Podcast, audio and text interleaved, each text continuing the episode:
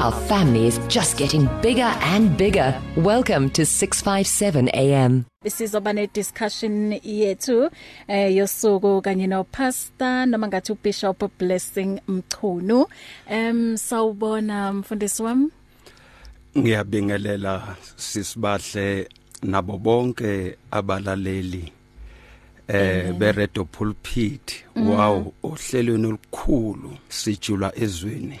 Kwayintokozo kimi ukuthi ngibe nawe la namhlanje. Amen. Noma kuukuthi evikeni eliphelile awukwazanga ukuthi ube khona kodwa ke kukho konke nje sibonga uJehova.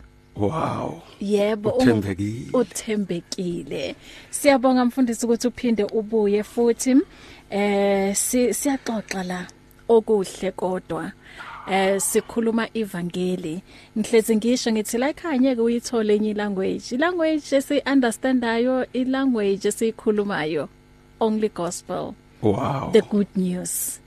So nanoma kukhona izinto ezithikamezayo kodwa ngeke siyeke ukuthi em silisabalalisa ivangeli. Sikhuluma indaba ezinhle. Ingakho ke nanamuhla eh, eh, kule ntambama sikhuluma la about restoring the dignity of God's house.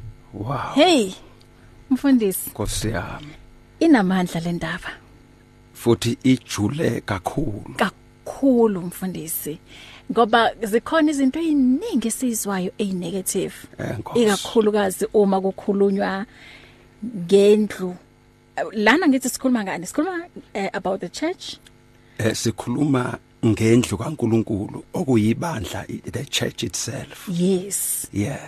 Em okuwukuthi esikhatini samanje sizwa izinto ezinegative okuwukuthi kona lokho kunegative esikuzwayo kwenza ukuthi abanye ba- bathi hayi asisasondeli. Ayi. noma kuukuthi umuntu bekathi uyazibona ngifuna ukuthi u2020 uma eqala kube ukuthi ngisendlini kaJehova. my god kodwa kube khona izinto ke ezikhulunywayo izinto ezenzakalayo izinto ez- e- e- eziboniwayo. Umuntu athi hayi angisayibhalisi Yeah. angisayi lapha ya Ya, so Nkosi. ingakho today sithi sekhuluma ngale ndaba sithi restoring the dignity of God's house. Ah lesithunzi shuthi sihambile. Sihambile mfundisi. Umbuzo uthi sishone. Sishonephi Nkosi yami. As- a- a- sishonephi mfundisi? Hey shuthi uma sikhuluma ngalendaba nje ke sibheke lendlu eh ukuthi ivelaphi uDavide uzamile ukuyakha lendlu mm. eh kodwa uNkulunkulu akamvumeli ukuthi ayakhe. Yeah eh uthi izokwakhiwa indodana ezophuma okhalweni lakho. Mm. okusolomoni ke lowo. Yeah lendlu iyakhiwa. Ithi uma isiyakhiwe lendlu uNkulunkulu ukhuluma noSolomon mawufunda la Second Chronicles mm. eh, chapter number 7 eh, ukhuluma noSolomon. Mm. eh uthi lendlu izophatha igama lami. Wow. Shothi uma lakhiwa leli thempeli ithempeli eliphethe igama lika Jehova shothi wonke umuntu eh ozayo kuleli thempeli usuke eze kuJehova kuza ababi kuleli thempeli bavumelekile ababi. Kuza abahle kuleli thempeli. Ababi bazofundiswa izindlela zika Jehova eh abalungileyo bezele ukuzomdumisa uNkulunkulu ngoba sonke kumele sifinyelele ekwazini ukumdumisa ophilayo kuze kube phakade. Manje lendlu eh isiyakhiwe seyikhona lendlu eh namba bayangena eh bathi bazofuna uJehova kulendlu bayangena bayafika phakathi bathwele imithwalo bathwele inkinga zabo. Babalekile ngaphandle ezweni ngoba ezweni vele ziyabuya ngenxa yento eyenzeka khona. Beza kulendlu kaJehova ngoba banethemba base beyafika phakathi endlini kaThixo. Bafika amadodana kaNkuluNkulu abajikela abanye bajikelwe amadodana kaNkuluNkulu. Shuthi eh bafika endlini kaThixo bahlukumezeka phakathi. La abathi bazothola khona uthando abanye barephiwe barephiwe lapha endlini kaNkuluNkulu bebethi ebazofuna ukwakheka imilo zabo. Abanye sebehamba abasenandaba nalutho ngoba bathi beya endlini kaThixo bafike bahlukumezeka khona. Ijulile le ndaba eh sis. Eh ubahle ngoba bathi ebefikile abanye bengena abanye bahlukumezeka ngokuca ngeindlela ezahlukahlukeneyo. Bahlukumezeka mhlambe abanye ngempilo baze bakhetha ukuphuma. Njoba babona bengenela phakathi banezihlobo zabo banabantu ababaziyo. Babaxoxela ukuthi hey ngithe uma ngifika enkonzweni ziyabuya. Kwenzeka 1 2 3 4 bathi abantu mabeyibuka lendlu awu nkosi yami Hey. bayibuka bayincifela. Eh ayisekho ithemba abalibonayo kulendlu and ba ba ba baye ku- kuyo lendlu beyitshela ukuthi leli themba elingasekho bazophinda balithole futhi. Kodwa kube ngaphezulu kwalokho kube ukuhlukumezeka manje. Hey. Ey yankulu indaba. Eh kungagcini lapho eh bathi sebehlukumezekile sebephumile eh sebengaphandle ezweni. Eh siphi isithunzi ke manje saleli salendlu? Kwenze njani endlini kaJehova? Konakelephi emhlabeni? Oh.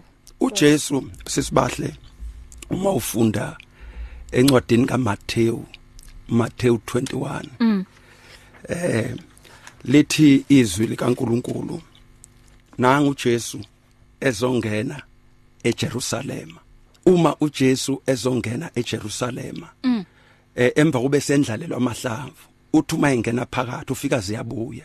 Hey. Kuyathengiswa la endlini kaThixo. Kushintshisana ngemali. Angithi uyabona? Shothi sekushintshwe indlela yokukhonza. Sekwenziwa into eyisinengiso phambi kaNkuluNkulu khona phakathi endlini kaNkuluNkulu. Manje uJesu waveza icharacter angazange ayiveze. Lethi iBhayibheli wathatha inkalvasi eh wabashaya. Wathi eh kulotshiwe ukuthi indlu kaBaba iyindlu yokukhuleka. Nina senishintshile seniyenze umuhume wabaphange shothi ke nayo ke indaba uunderline leyo. Umuhume wabaphange kujikwa lendlu indlela okukhonzwa ngayo. Shothi sekwenziwa izinto ezobugebengu kubantu ezisinengiso nakuNkulunkulu. Uma ungayibala angeke uze uyiqede sisi. Konakele. Konakele mfundisi. Konakele. So ingakho irestoration idingeka. Idingeka Nkosi yami. Wow. Konakele kulendlu. Kuthe ngendlela ububi eh obenzeka ngayo eh isiyenziwe angithi kuthiwa umhumo wabaphangi shothi khona abaphangi la. Yebo khona abahle abenza kahle futhi nababi nabo bakhona. Futhi ngale ikhathi sebebaningi kakhulu. Asebelihlambalaze kakhulu igama lika Jehova kulendlu. Kangangokuthi isiyindlu engenaso isithunzi. Ayisenaso isithunzi.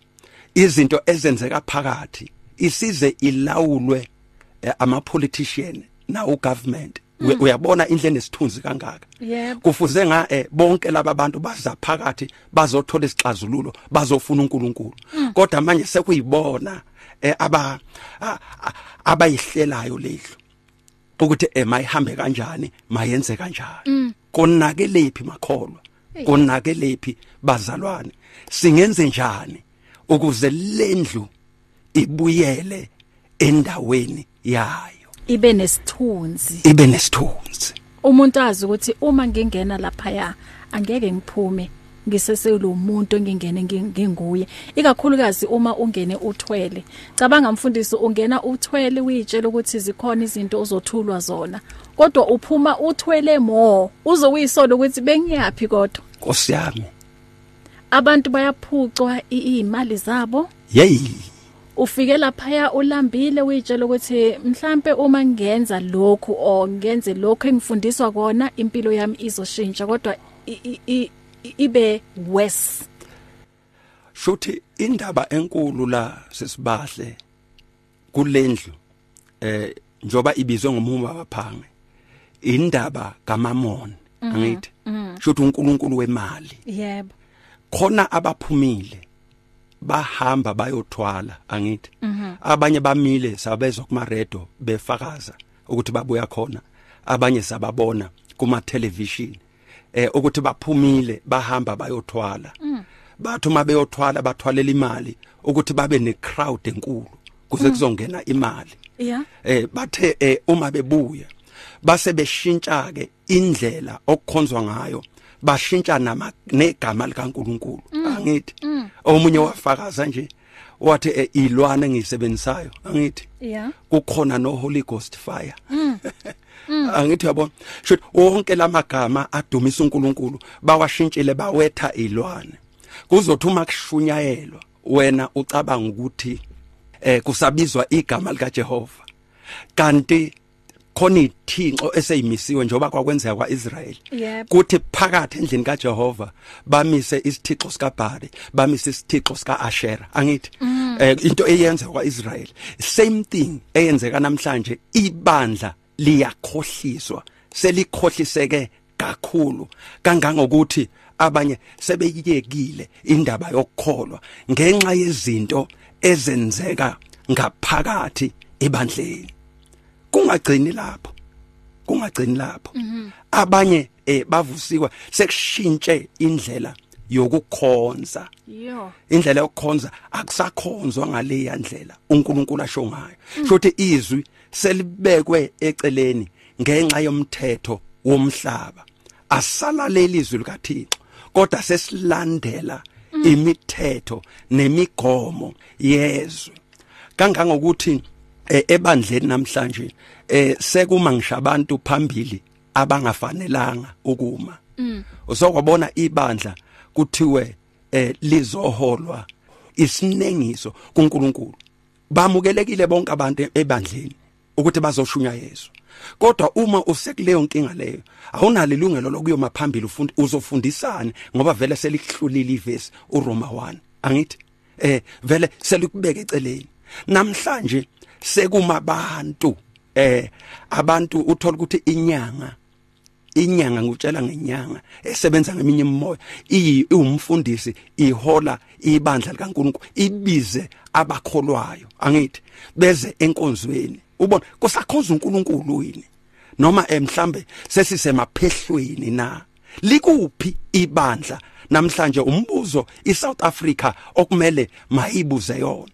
Abanye beze enkonzweni bacabanga ukuthi bazodumisa igama lika Jehova noma igama likaNkuluNkulu. Eh phakathi kufike bethi sekuvuke imibono. Lento into yabezizwe angithi yabona? Into yamajuda indlela nje sifuna sikhonze mhlambe ngesiAfrika izwi lilahlwe eceleni noma uJesu akhishwe noma abantu beze la ibandleni beze ngegama lika Jesu eh umbuzo sikuphi la esikhona eh namhlanje njengesizwe sase South Africa? Ngoba sekudingeka abantu namhlanje abazoma bakhulume iqiniso egameni lenkosi. Lento esikhulumayo sisibahle inzima akusinto ongayikhuluma. Kodwa eh iqiniso kuphela eliyokhulula isizwe sakithi. Siholwa abantu abarong bamende endaweni kaNkuluNkulu abantu ongafanele baba so imosheke la kulabo abaholayo. Ngoba kukhona laba abeza ababalandelayo. Ngithi uma umholi kukhona laba beza emva kwakho. So imosheka la izwi liyasho mfundisi ku 1 Timothy 3 verse 4 ukuthi an overseer must manage his own household well yes. and keep his children under control with complete dignity. my god. My god. Yebo. Eh umholi weqiniso. Yebo. Umelo impela ukukwazi ukulawula indle yakhe angithi. Eh ngoba lithi iBhayibheli uma umuntu engakwazi ukuphatha wakhe umuzi Yebo. angaliphatha kanjani iqiniso? Kodwa indaba enkulu ke la la ehluke khona indaba enkulu la isemalini. Eh. isemalini. Emalini. ngoba nomnikelo sesufuna ngendlela eh engalunganga noma engafanele.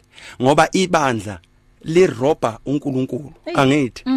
Bese kuthi eh ingceko zikaNkulunkulu ngoba ibandla liroba uNkulunkulu bese ingceko zikaNkulunkulu ziroba lona ibandla angithi. Angithi nanti ibandla limile sisibahle. Yebo. eh libhadara irent angithi. Eh. kunezinto ezenzekayo angithi yabo umfundisi uyalihola. Kuthi abantu baphakathi enkonzweni. A- abanikeli ngendlela efanele angithi. Bengabhadali ngisho kweshumi. Okuzokwenzela phela ukuthi leli bandla eh likwazi ukuma angithi? Manje umfundi uma singangeni imali la ebandleni eh eh umfundisi manje sekumele enze icebo ukuthi eh, kuzokwenza kanjani ukuthi kube nemali la enkonzweni ngoba nampa abazalwana abakhonza la barobha uNkulunkulu. Akethi khona lento ekumele siyiqonde eh njengebandla likaThixo. Uma unikela angithi? Noma ubhadala okweshumi mangiphethe nje okweshumi ngiyokhokha. Okweshumi ngikhokha bani? Ngabe ngikhokha uNkulunkulu na? Noma ngikhokha kumfundisi noma ebandleni na? shothi uma iunderstanding yalokho ingekho angithi abantu bagcina sebe behavior ngenye indlela. Ibandla uma lingaqonda ukuthi uma uphethe umnikelo noma uphethe okweshumi usuke ukulethe kuNkulunkulu angithi. Umnikelo nokweshumi kuya kuNkulunkulu kodwa imali isala ebandleni noma kumfundisi. Kunomehluko phakathi komnikelo nokweshumi. Oh. kunomehluko phakathi kwemali.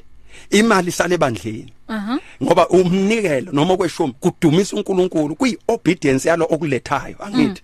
Usuke ekuletha uNkulunkulu. Kodwa leyo mali uthi uNkulunkulu nginikeze abapriest nabalevi angithi.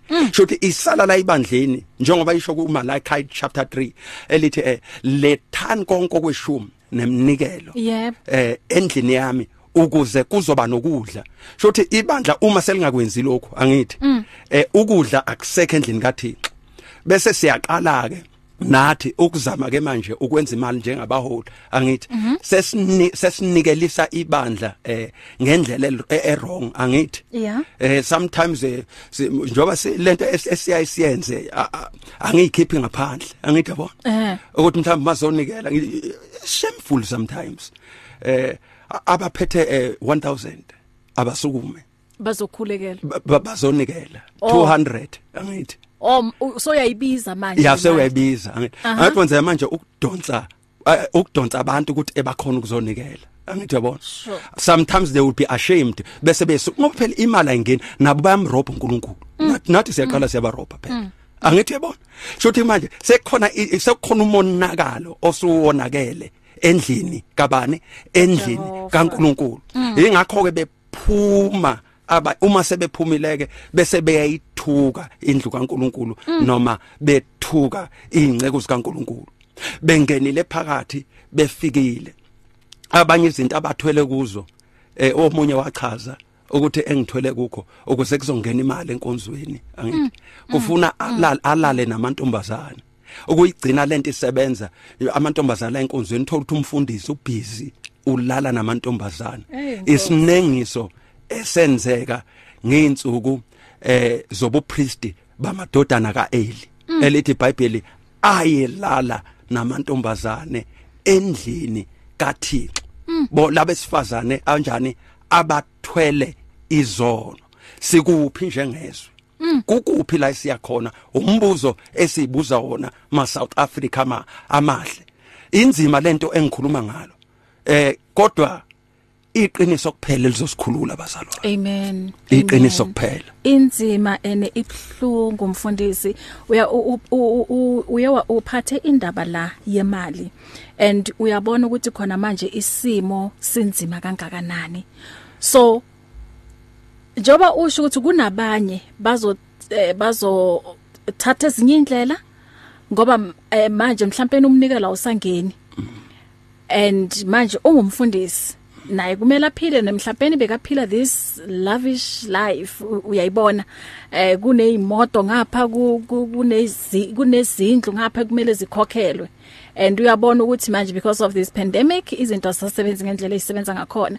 So ku- kusho ukuthi manje mfundisi kumele siqaphele kakhulu singabantu abakholwayo ukuthi ngabe sisahamba ngomoya okuyiwona yini? Ngaphakathi la ebandleni. Ikakhulukazi uma ubona manje sengathi izinto ziyashintsha eh, ngathi sokukhona nje okunye okwenzakalayo ongakunderstand so kusho ukuthi kumele siwavule manje amehlo kamoya. Sibe eh, ne spirit of discernment. I think isona nje es- esingasiza kakhulu. Yebo. Angithi uyabona ke manje ngenxa yobubi ke balwendlu ububi bayo sebukhuphukile bafika ezulwini. Kangangokuthi uNkulunkulu akasahlukanisi phakathi kwezwe nani? Nendlu yakhe angithi? Lento yonke isiyenze njani? Isiyafana. Ngoba ungabheka ngaphakathi ngaphandle ezweni ubheka ububo benzeka khona.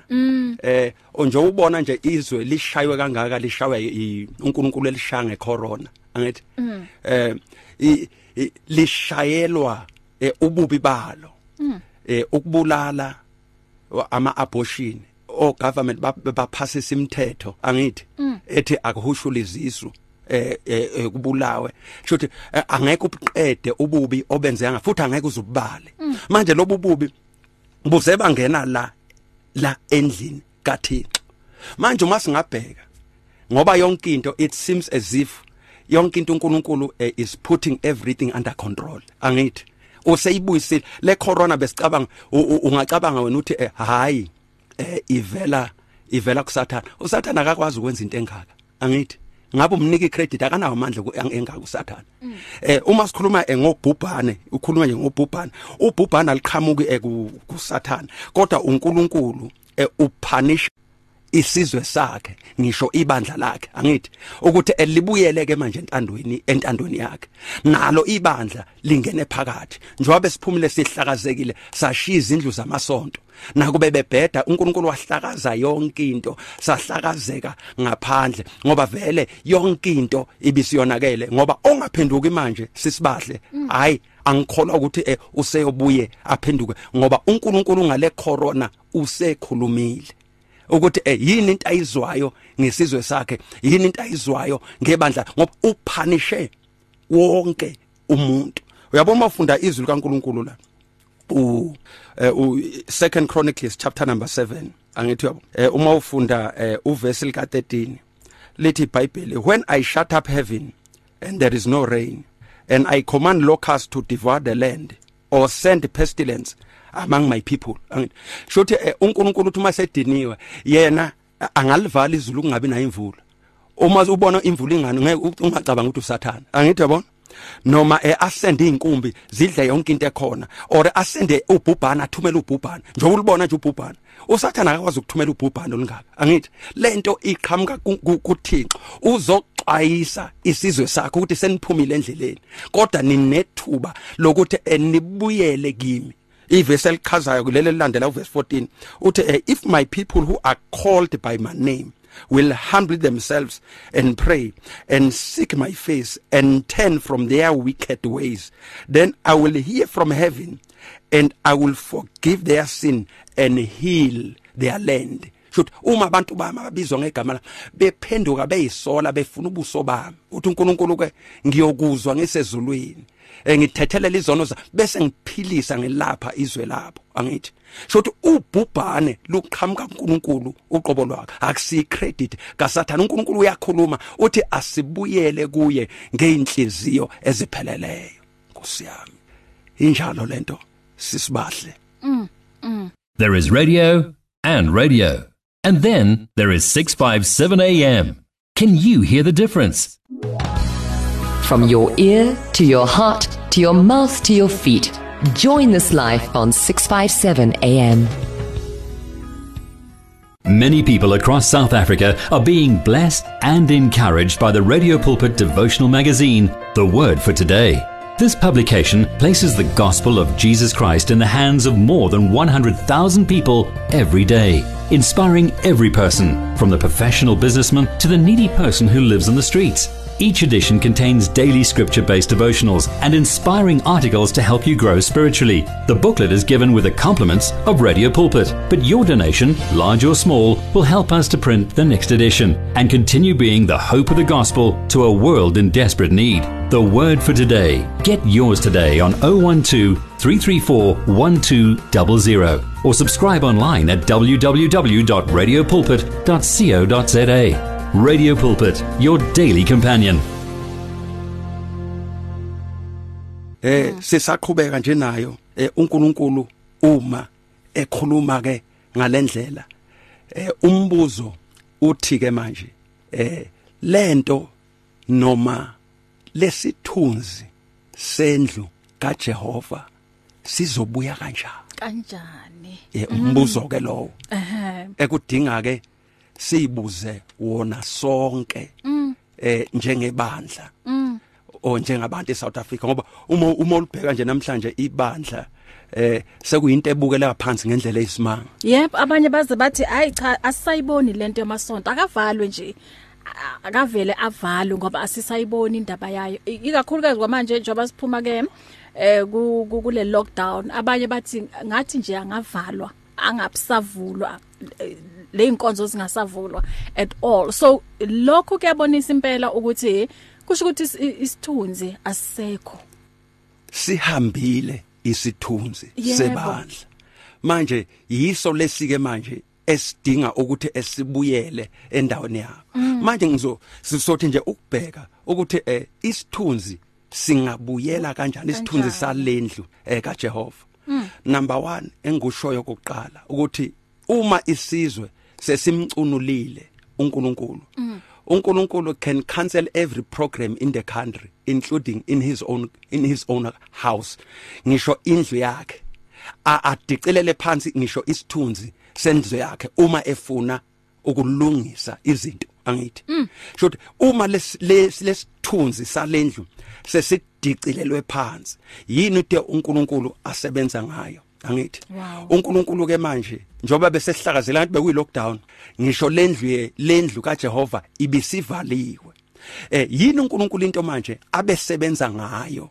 Ukuthi ke manje abuyisele izinto en- endaweni yazo. Khumbula esisibahle uma ufunda encwadini eka Samuel eh uSamuel eh chapter number 2 3 nakho ke amadodana kaEli uma ebenza bonke lobubi uIsrael usebhekene nempi impi eh impi namaFilisti.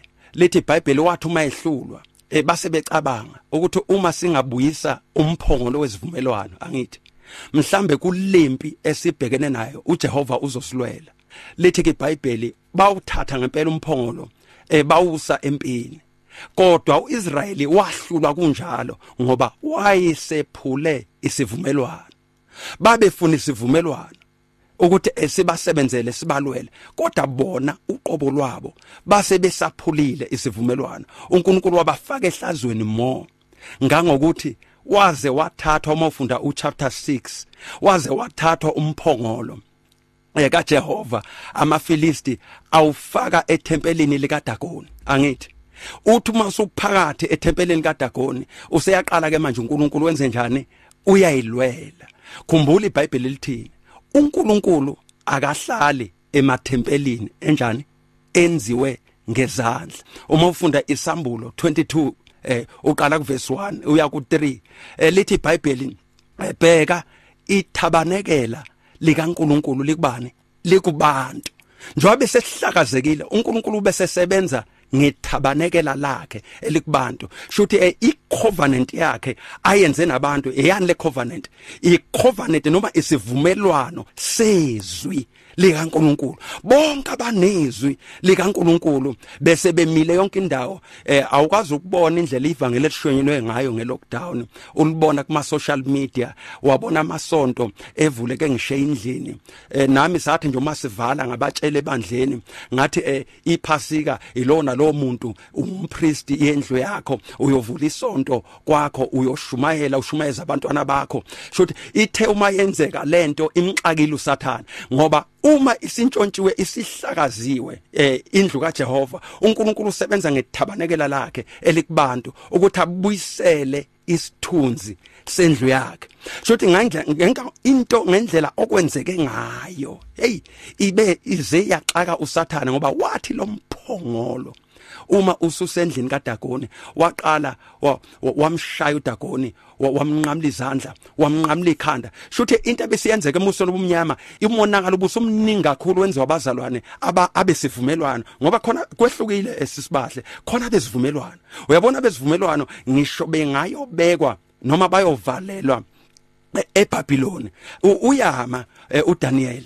Uyama nabangani bakhe uShadrach noMeshach noAbednego ngoba kwaku abantu besivumelwana. Ngisho ngabalahla apha abantu besivumelwana bama noThixo until baze babuyele endaweni kaThixo. Engikushoyo nengimemezela kukho ebandleni kaThixo ngithi noma ke ibandla seligxekwa kangakanani noma seligxekwe kanga seligxekwe kangakanani? Asingethuki thina abantu besivumelwano. Thina esamukela uJesu njengenkosi nomsindisi thina esiphila ngezwi likaNkuluNkulu asingethuki amasonto avuliwe asibuyele endlini kaThixo asibuyeleni bazalwane abanye eh ngisho namhlanje abakasukume ukubuyela endlini kaThixo. Shothi manje sekurate ukuthi umuntu ube kangakanani noThixo.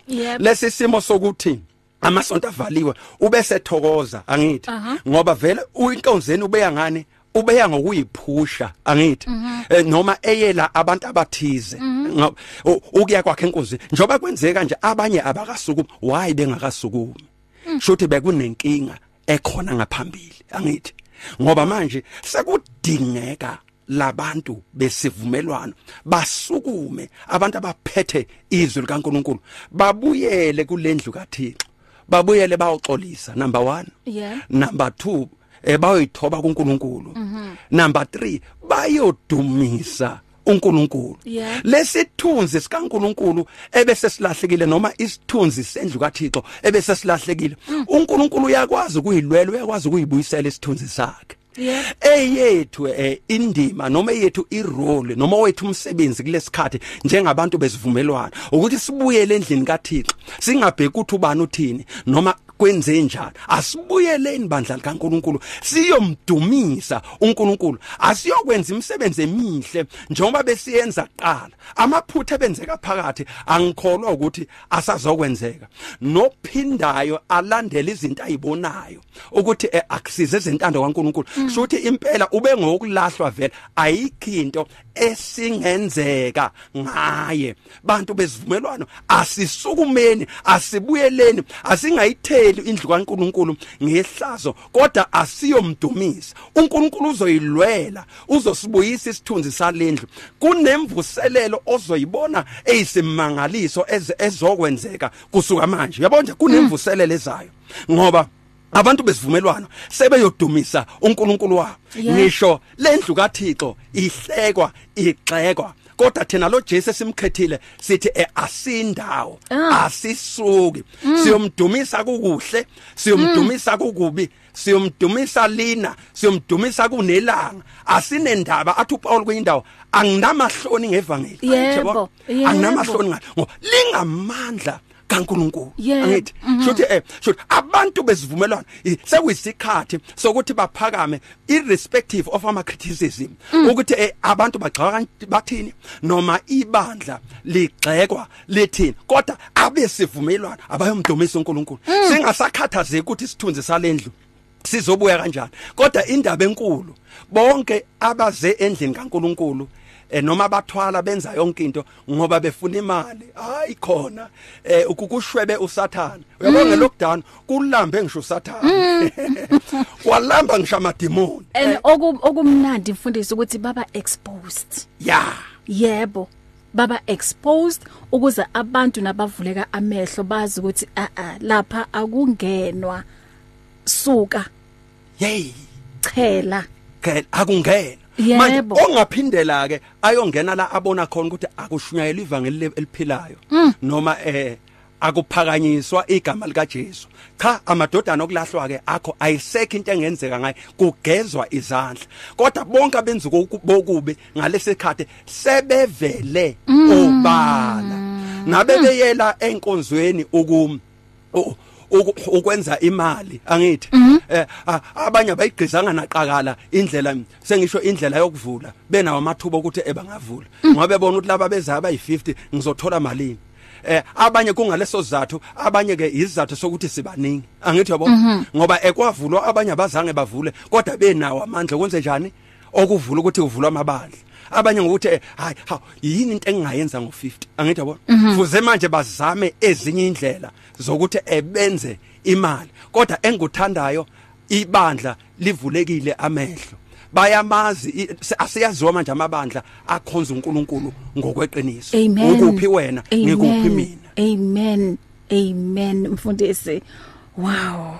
Mm, inamandla le ndaba ngicela ukuthi sithathe ikhefu ngiyacabanga ukuthi nalapha emakhaya bathanda ukuthi nabo bafake nje uvo eh lwabo kulolu daba Yenzile. senze kanje sizobuya emveni kwalokho ungashaya ungashayela ke ku 0123341322 uma ke ngibuya ngala Be doers of the word with 657 AM. Sounds of life. 657 AM. Radio for believers in action. Ilapho sikhona ngempela ku AM 657 eh sikhuluma la no Bishop Blessing Mchunu restoring the dignity of God's house. Kwenzakaleni emabandleni basalani ethi ngithatha uhambile ethi ngizame ngala sawubona usemoyeni Kozazana, Kalimambo asibingelele yezwakala indaba kumfundisi izana kamnandi. amen Kodwa indaba leyihlupha ezisebenzi zenkosi. mm Izisebenzi zenkosi zinalo ukuthi kungabi nombuso kaNkuluNkulu emzimbeni wesisebenzi sikaNkuluNkulu.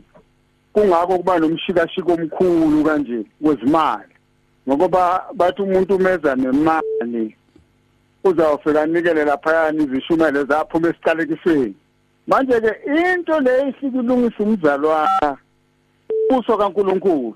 Uthola lapha encwadini yamaRoma chapter 14 verse 16 17 ngathi ithi "Ah, akufuma kasikwemba ekunjani ukunwa kambe ukululama. Lokululama lokhu justice ijustice esiputukezi yikho lokhu kudonsa um- uNkulunkulu eze emzimbeni womuntu. Umuntu manje seakhona ukuba ngumfundisi. Akhona ukuthi abe nesiphiwe kahle kahle asebenze ngesiphiwo sakhe. Uma ungabheka kahle emabandleni bonke abantu bafuna ukuba ngabefundisi. Abantu abaningi bafuna ukuba ngabefundisi abaningi ningi ningi ningi ningi ebandleni bafuna ukuba ngabefundisi. Akekho omunye umuntu onesiphiwo sokuthi angayenza okunye ubufundisi nobuprofiti enenzizamba phambili. Ngoba lo msebenzi lo unemali mm. ngalo mshikashika lo. Mm. Ukuthi abantu bangakhona ukusindiswa. Ngoba into leyenza ukuthi abantu bangakhona ukusindiswa ukuthi umfundisi akakhoni akakhonanga ukuthi amukele umbuso kaNkuluNkulu emzimbeni wakhe. Mm uyabona? noSawule yamhlupha lento uma uSamuel engekho emhlabeni. uSawule wase umbuso kaNkuluNkulu wakhitshwa lapha kuye lapha kuSawule lwenkosi loya. Kwasala kwaba inkinganyana kakhulu. Uyabona? Futhi wakhitshwa nje umbuso ekhona uSamuel emtshelile manje la kubefundisi bethu la a- a- a- abantu abaningi abanawo lo mbuso kaNkuluNkulu. Kungako kungakhona ukuthi umfundisi azazi ukuthi usindiswe noma kasindiswanga so inkinga ilapho ehe. Hey Khalimambo hayi bakhona Ah. abanye nabo bayathanda ukuthi baphawule asizwe nakubona. Asibadedele. Asibadedele. Thank you so much. Siyabonga Ma. Khalimambo. Eh masithatha umunye futhi ngala sawubona usemoyeni. sisi Eh wetata. utata siyabulela kakhulu ngenkazelo eh esiyivayo namhlanje Mm. yazi the, the only thing i like sibahle u- u- uma uthixo ethe wena sibahle kunye nothixo Mm. you are the majority cool down ke sis cool down because ugqibile uthixo. I- ibike nje wathi wena sibahle eh, eh, and, and god himself in you. So you are the majority. I- i- ithi ke ngokulonto ijonge sibahle idignity yenkonzo namhlanje ukuthi idrophe kangaka lesumfundisi wami and then uyicheckishe idignity yemarriage yeah and then uyicheckishe idignity yesam circumcision E- ezi zinto zonke zeze zakwathixo uyaqonda U- utsho ukuthi idignity yehlile njena kungenxa ba abantu benza ngendlela abathanda ngayo. Yes bakhonza ngendlela abathanda ngayo. Oh Nkosi yami. Eh, eh, hey and boluka ngendlela abathanda ngayo and at the same time bathatha ngendlela abathanda ngayo. Yeah. so everything is going to be destroyed asinakhala mfundisi asinakhala uyabona umesheki shedrake and abednego babeyigroup and that, that was well and correct well and good eh? but uyambona udaniel he, he was he was alone but he was not alone eh? meaning that wabududula ubuso bebhabheli ne-psychologist ne-educationist zakhona wasidudula ayadwa that is what is going to happen mfundisi wam these days eh? Hey Nkosi yami. uphuma kwitenders ungumfundisi uzaba lexoki eh? so uthi ngemihlo gqibela sizaba zi-lovers of money eh? Ah Nkosi yami. so sizothanda imali eh ufuna umsekalo sisi sisi- sisi- sisi-communication officer karhulumente now ongathethi izwi likathixo eh so singcina everything. You can't as a man of god fully loaded equipped eh? Ngomoya oyingcwele uvume yonke into lapha Hey, phandle yami. basegqibeleni indoda inye masime njengodaniel and sinako uziguqula ilizwe. But ngendlela uthixo asebenzisa ngayo. Siyabulela inkosi kakhulu Hey bahle siyabulela tata. Hey. amen amen. Hey sifuna ukwenza izinto. Ngendlela yethu. Yay. Asindlule ngama WhatsApp messages lana mfundisi. You're at 657 AM. Radio with the truth in its voice. Eh usisipopi mkhonto esetsekana uthi sawubona eh bahle kanye nomfundisi siyabonga ili iqiniso elinganako ukuphikiswa ngibusiseke kakhulu siyabonga sisipopi em u Ayanda Dube ese standard 10 uthi hi sister bahle powerful topic and very deep ibhlungu into eyenzeka phakathi endlini kaJehova because uma thina esithi siyakholwa singanazo izithelo ezikamoya ongcwele ngeke kubelula ukudonsela abantu eh kuJesu kuyiqiniso eh, sis Ayanda. And um enye WhatsApp la ethi greetings made servant of God. Uyazi ubaba umfundisi le ndaba ayishoyo it is very very true cause there's a lot of human agendas in ministries such that Christ had been totally sidelined My in God. many ways My God. hey My mfundisi God. inzima kusesekukhulu okumele kwenziwe Hey. uyazi into es- es- esime ngayo kwamanje eqinisweni umkhuleko Nkosi yami. Nkosi yami. umkhuleko mfundisi angazi ngoba hey hey yeah The dignity. Mm, endlini e- endlini yenkosi The church engakusho utata esakhuluma lapha. Impela the church is captured. Is captured by the kingdom of darkness. sure Shuthi lento eyenzeka phakathi, angithi uyabona ukuthi akuseyona intando kaNkuluNkulu. ene ngenxa yemali ngenxa imali ngoba isitha esikhulu imali. Irape ikhozwe yini ebandleni? Imali. Ikhozwa imali. Bonke lobo bubo benzekayo bukhozwa yini ebandleni? Imali. Shothi nje isitha esikhulu imali kangangokuthi sesize sishintshe iqiniso levangeli ngenxa yemali. Kushintshwe nama scriptures ngenxa yemali. Ngenxa yemali. Elithi imali yini? Impande yesono angithi. Shuthi once inhliziyo wayibeka emalini. Vele entandweni kaNkuluNkulu uzosuka ngoba noma uthi wenza kahle uyabona uma wenza kahle imali ayizi angithi? Nabantu abayithandi into eza kahle. Yabona kushunyala khona ivangeli kahle angeke abantu benze kodwa la bakhohliswa khona bayagijima beye khona. Becabanga ukuthi imhlola iyathengwa. Angithi yabona becabanga ukuthi imangaliso ziyathengwa. Izinto ezingathengwa oya kukho ngani ngokukholwa. Wena kuthiwa hamba yenza intando kaNkuluNkulu gcina izwi likaNkuluNkulu. Uthi kulithi iBhayibheli funana umbuso wezulu kuqala nokulunga kwawo. Khona zonke lezi zinto enizifunayo ziyokwenezelwa nina. Bangakhe how many thousands of people abaseyinkonzweni ngenxa yemihlola? Angithi.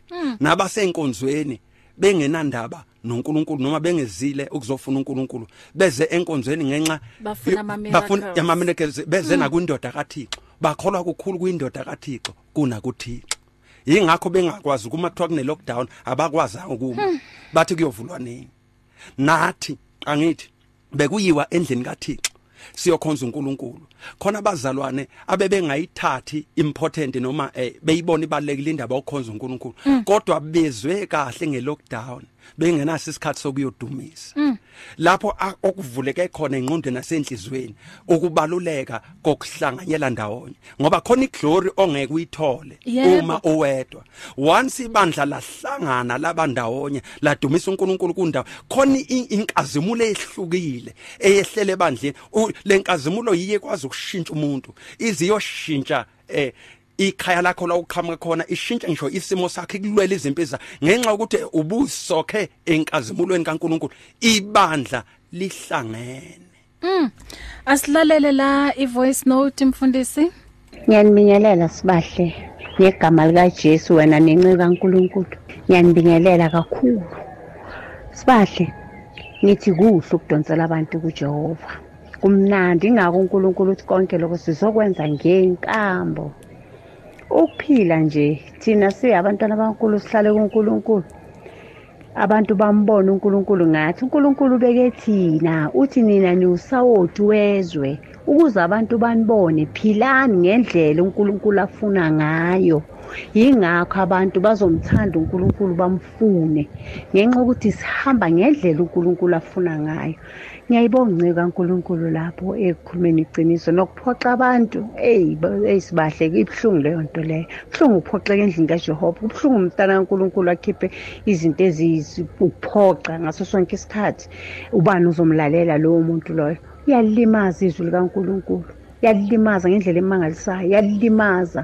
Wenza nathi siyabantwana bakaNkulunkulu silimale kakhulu ngoba sizibuza ukuthi ufunani lo muntu ngoba uyawazi futhi nomkhuleko sizothi ufunani? Yingakho sonke isikhathi konke esikwenzayo fanele sikwenzisise sibahle sazi ukuthi uNkulunkulu ukhona unomusa unothando futhi uyasikhathalela ngaye uthina sosebe ngaye thina sihamba ngendlela yena afuna ngayo. Uzombona uzobabona abantu bayomfuna bayomfuna uNkulunkulu angakhona bazomkhonza futhi bamthande. Sibahle Amen. nginceka uNkulunkulu ngiyanithanda kakhulu. Awu, uNkulunkulu siyabonga. anenze kahle. Awu, amen. siyathanda kakhulu nathi mama. Amen. Siyabonga, hayi mama. hey mfundisi kunamanye ama voice note kodwa ngicela ukuthi ngiwabekele i- iviki elizayo ngoba kunenye 4 minutes inde kakhulu. Ngeke sikwazi ukuthi ke si sikhulume namuhla em noma sidlale namuhla. Ngicela ukuthi sibekele next week. Amen. isikhathi sethu asekho upastor Ray nangulindile eh uzongena njengoba silishayile lesihlanu ihora. Eh bakuthola kuphi mfundisi uma ungekho la emoyeni? Eh thina sise i Revelation Army Ministry sise Katlehong ethwala section 908 upstory building nje la esitholakala khona. Naseinkundleni zokuxhumana eh siyatholakala. Uyacheka nje ipage le Revelation Army la uthola khona zonke izintshumayelo zethu. Namanje nje mhlawumbe si live uma ungacheck iRevelation Army uzosithola lapho. Eh ucheke no Bishop eh ublessing mchuno. Eh uzosithola nalapho sikhona. Eh naku eh naku YouTube eh, sikhona ungasichecka nalapho. Ungasichecka eh, naku ku YouTube na naku naku Instagram. Wonke nje zokuxhuma zokuxhumana esikhona uNkulunkulu abenze kahle abalaleli. Amen. Asiphinde futhi sihlangane evikini elizayo. God bless you mfundisi. Aw amen. Umusa phezulu komusa. Be doers of the word with 657 AM. Sounds of life.